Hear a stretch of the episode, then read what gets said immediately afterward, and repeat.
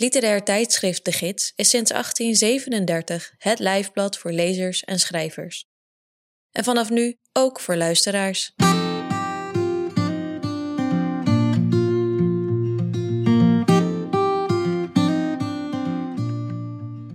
Je luistert naar Sprekende Letteren, een podcast met verhalen, essays en poëzie uit De Gids, voorgelezen door de schrijver of dichter zelf. In deze aflevering hoor je Raoul de Jong.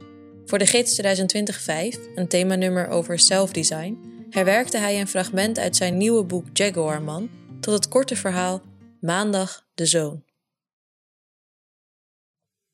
Beste gij die mijn voorvader zijt. De afgelopen jaren speelde u een spel met mij. U gaf me tekens en ik heb ze gevolgd, van Rotterdam naar Paramaribo, van Rome naar Recife, maar telkens als ik op het punt stond op uw staart te trappen, sprint u door. We kunnen niet eeuwig zo doorgaan, ik denk dat u dat zelf ook wel begrijpt. Het is tijd om de balans op te maken, om onze kaarten op tafel te leggen. Vooruit, ik begin. Dit is geen verhaal over wit of zwart of Nederland of Suriname. Het is ook geen verhaal over mijn vader, al spelen al die elementen wel een rol. Dit is een verhaal over u. Er is mij verteld dat u bovenmenselijke krachten had en dat die krachten iets te maken hebben met mij. Is dat mogelijk? Is het mogelijk dat mijn leven door uw daden beïnvloed wordt, alleen omdat we wat genen delen? Als ik kijk naar mijn vader en mij, dan lijkt het antwoord ja. 28 jaar lang was mijn vader geen vader, en toch delen we van alles, veel meer dan alleen ons uiterlijk. En als dat zo is, dan is het logisch dat er in mij ook iets van mijn vaders vader zit, en van mijn vaders vaders vader. Een van die vaders bent u. Volgens mijn vader kon u uzelf veranderen in het sterkste en, volgens sommigen, vreedste dier van het Zuid-Amerikaanse regenwoud, de koning van de Amazone, de jaguar. Hoe deed u dat? Wie was u? Waar kwam u vandaan? Hoe kwam u aan uw krachten? En waarom moet ik die krachten volgens mijn vader met rust laten? Dit is dag 1 van een zevendaags ritueel, zoals dat mij werd uitgelegd in een klein snoephuisje achter dievenijzers en een rozentuin in een wijk van Paramaribo genaamd Casaba Holo, oftewel Cassavegat, door de op dat moment 79-jarige Winti-priesteres Missy Ellie Purperhart. Wat mijn vader me verteld heeft, vroeg ik, kan dat? Missy Ellie had naar iets achter mij gekeken een geest, dacht ik, maar toen ik omkeek zag ik dat er een auto aan de overkant van de straat geparkeerd werd. Ze lachte geheimzinnig en citeerde toen, vreemd genoeg, de Bijbel. Ik, zei ze, uw God, ben een ijverige God, die de misdaad der vaderen bezoekt aan de kinderen tot aan het vierde geslacht. Uh, ja, dat was dus mogelijk. Volgens het christendom en volgens het Winti-geloof. Ik lachte nerveus. Oh, uh, dus ik ben uh, vervloekt? Dat wist Missy niet, maar ze wist wel hoe ik daarachter kon komen. Ik ga het je zeggen, maar je moet doen wat ik zeg. Het mag geen fiasco worden. Je moet echt ernstig zijn. Zeven dagen zou ik nodig hebben. Zeven dagen geen sigaretten, geen alcohol, geen vlees, geen zout en geen seks. En ik mocht pas terug in Nederland beginnen, want u, Jaguarman, houdt niet van vliegen.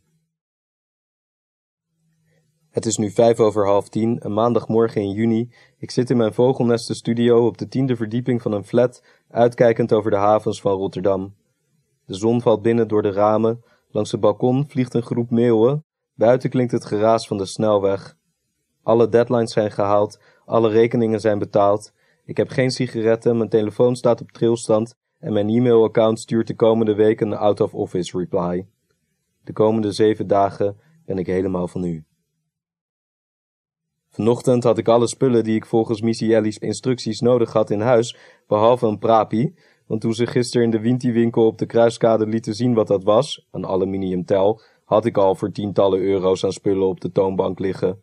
Dus gebruikte ik vanochtend een blauwe plastic emmer, de emmer waar gisteravond nog sop in zat om mijn huis schoon te maken. Ik hoop dat u dat oké vindt. Met wit krijt zette ik een kruis op de bodem. Ik verpulverde een halve bol pimba, een soort kalk, goot er melasse, een bijproduct van de productie van rietsuiker, uit een plastic flesje overheen, haalde takjes van een tropische plant uit een zak in de vriezer, knipte die in stukjes boven de emmer, goot er koud water bij, roeide het met een houten pollepel tot een prutje en vulde de emmer met heet water. Zo heet als je kunt verdragen, stond in de instructies die Miss Ellie had opgeschreven.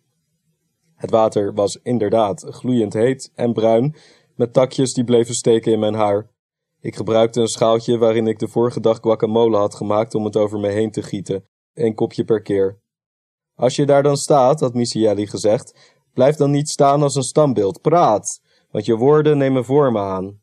In haar handleiding stond wat ik moest zeggen. Ik was me om verlicht te worden. Alle vuiligheid die ik op straat, op mijn werk of elders heb opgedaan, was ik van me af. Er was nogal wat vuiligheid om van me af te wassen, dus ik zei het met overtuiging. Alles wat vies is, is nu weg, zei ik. En ik besefte dat direct achter mijn badkamer de galerij is en dat iedereen die over die galerij liep me kon horen. Ik zette de kraan open en waste me. Daarna veegde ik de takjes en bruin water met een zeem in het doucheputje, spoelde de emmer schoon. Ik zette weer een kruis op de bodem van de emmer, legde daar gedroogde rozen bovenop die ik had meegekregen uit Missy Ellie's tuin, overgoot het geheel met een roodkleurige emulsie genaamd Zeven Geesten en vulde de emmer met lauw water.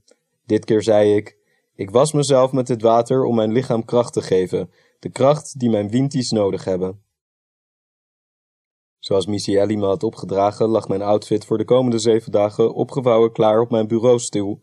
Een kraakwit t-shirt en een lentefris kort wit gymbroekje, of in Missy Ellie's woorden, een shortje. Onder de outfit heb ik wit thermo ondergoed aangetrokken. Ik hoop dat dat mag. Toen opende ik het klepje van mijn veel te dure ebbenhouten vintage secretaire van Zweeds design, die ik al acht maanden geleden speciaal voor deze gelegenheid had ingericht als een altaar met alles wat u, Jaguarman, de afgelopen jaren op mijn pad stuurde. Ik stak een lichtblauwe kaars aan, opende een nieuw schrift en zei: Gij, die mijn voorouder zijt, openbaar u. Ik weet niet precies hoe ik me dit moment had voorgesteld, maar er gebeurde niks. Ik zag alleen de boeken die hier nu onbewogen voor me op de secretaire liggen.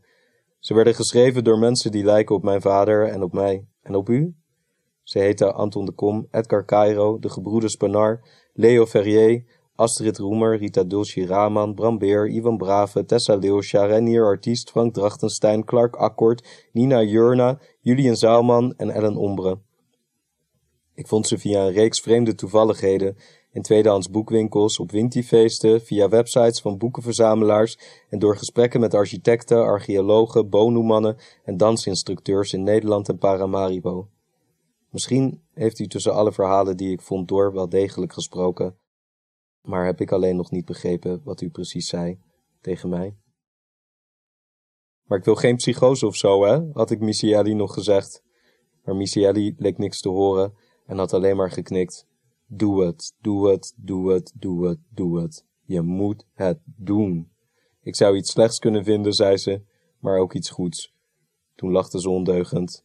En als je niks zegt tegen je vader, zou veel beter zijn. Terwijl we de rozen voor het ritueel plukten in haar tuin, besefte ik dat ik haar een klein niet onbelangrijk detail nog niet had verteld. Ik vertelde het haar pas toen we afscheid namen bij het tuinhek. Uh, oh ja, ik uh, ben dus ook bezig aan een boek.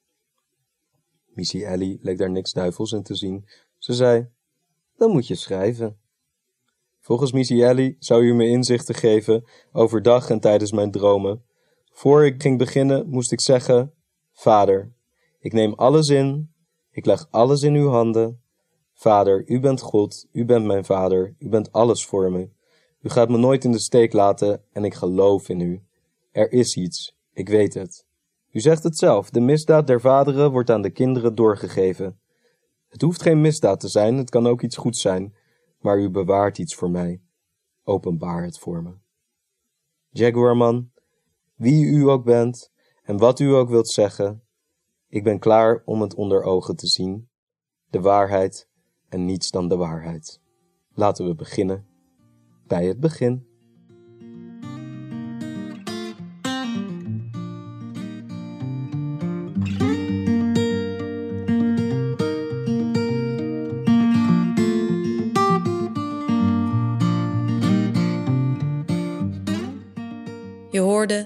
Maandag de Zoon, een verhaal van Raoul de Jong. Raoul de Jong is schrijver, danser en columnist. Hij publiceerde zes boeken en deze week, op 12 november, verschijnt zijn zevende boek, Jaguarman, waarin hij een ode brengt aan de helden uit het land van zijn vader. Het verhaal dat je net hoorde is een fragment uit dat nieuwe boek. Wil je dit verhaal lezen? Dat kan. Alle bijdragen die je in sprekende letteren hoort zijn terug te vinden op onze website www.de-gids.nl. Wat je ook kunt doen op die website is een abonnement nemen op de gids. Vanaf 20 euro per jaar ben je al abonnee en steun je het oudste literaire tijdschrift van Nederland.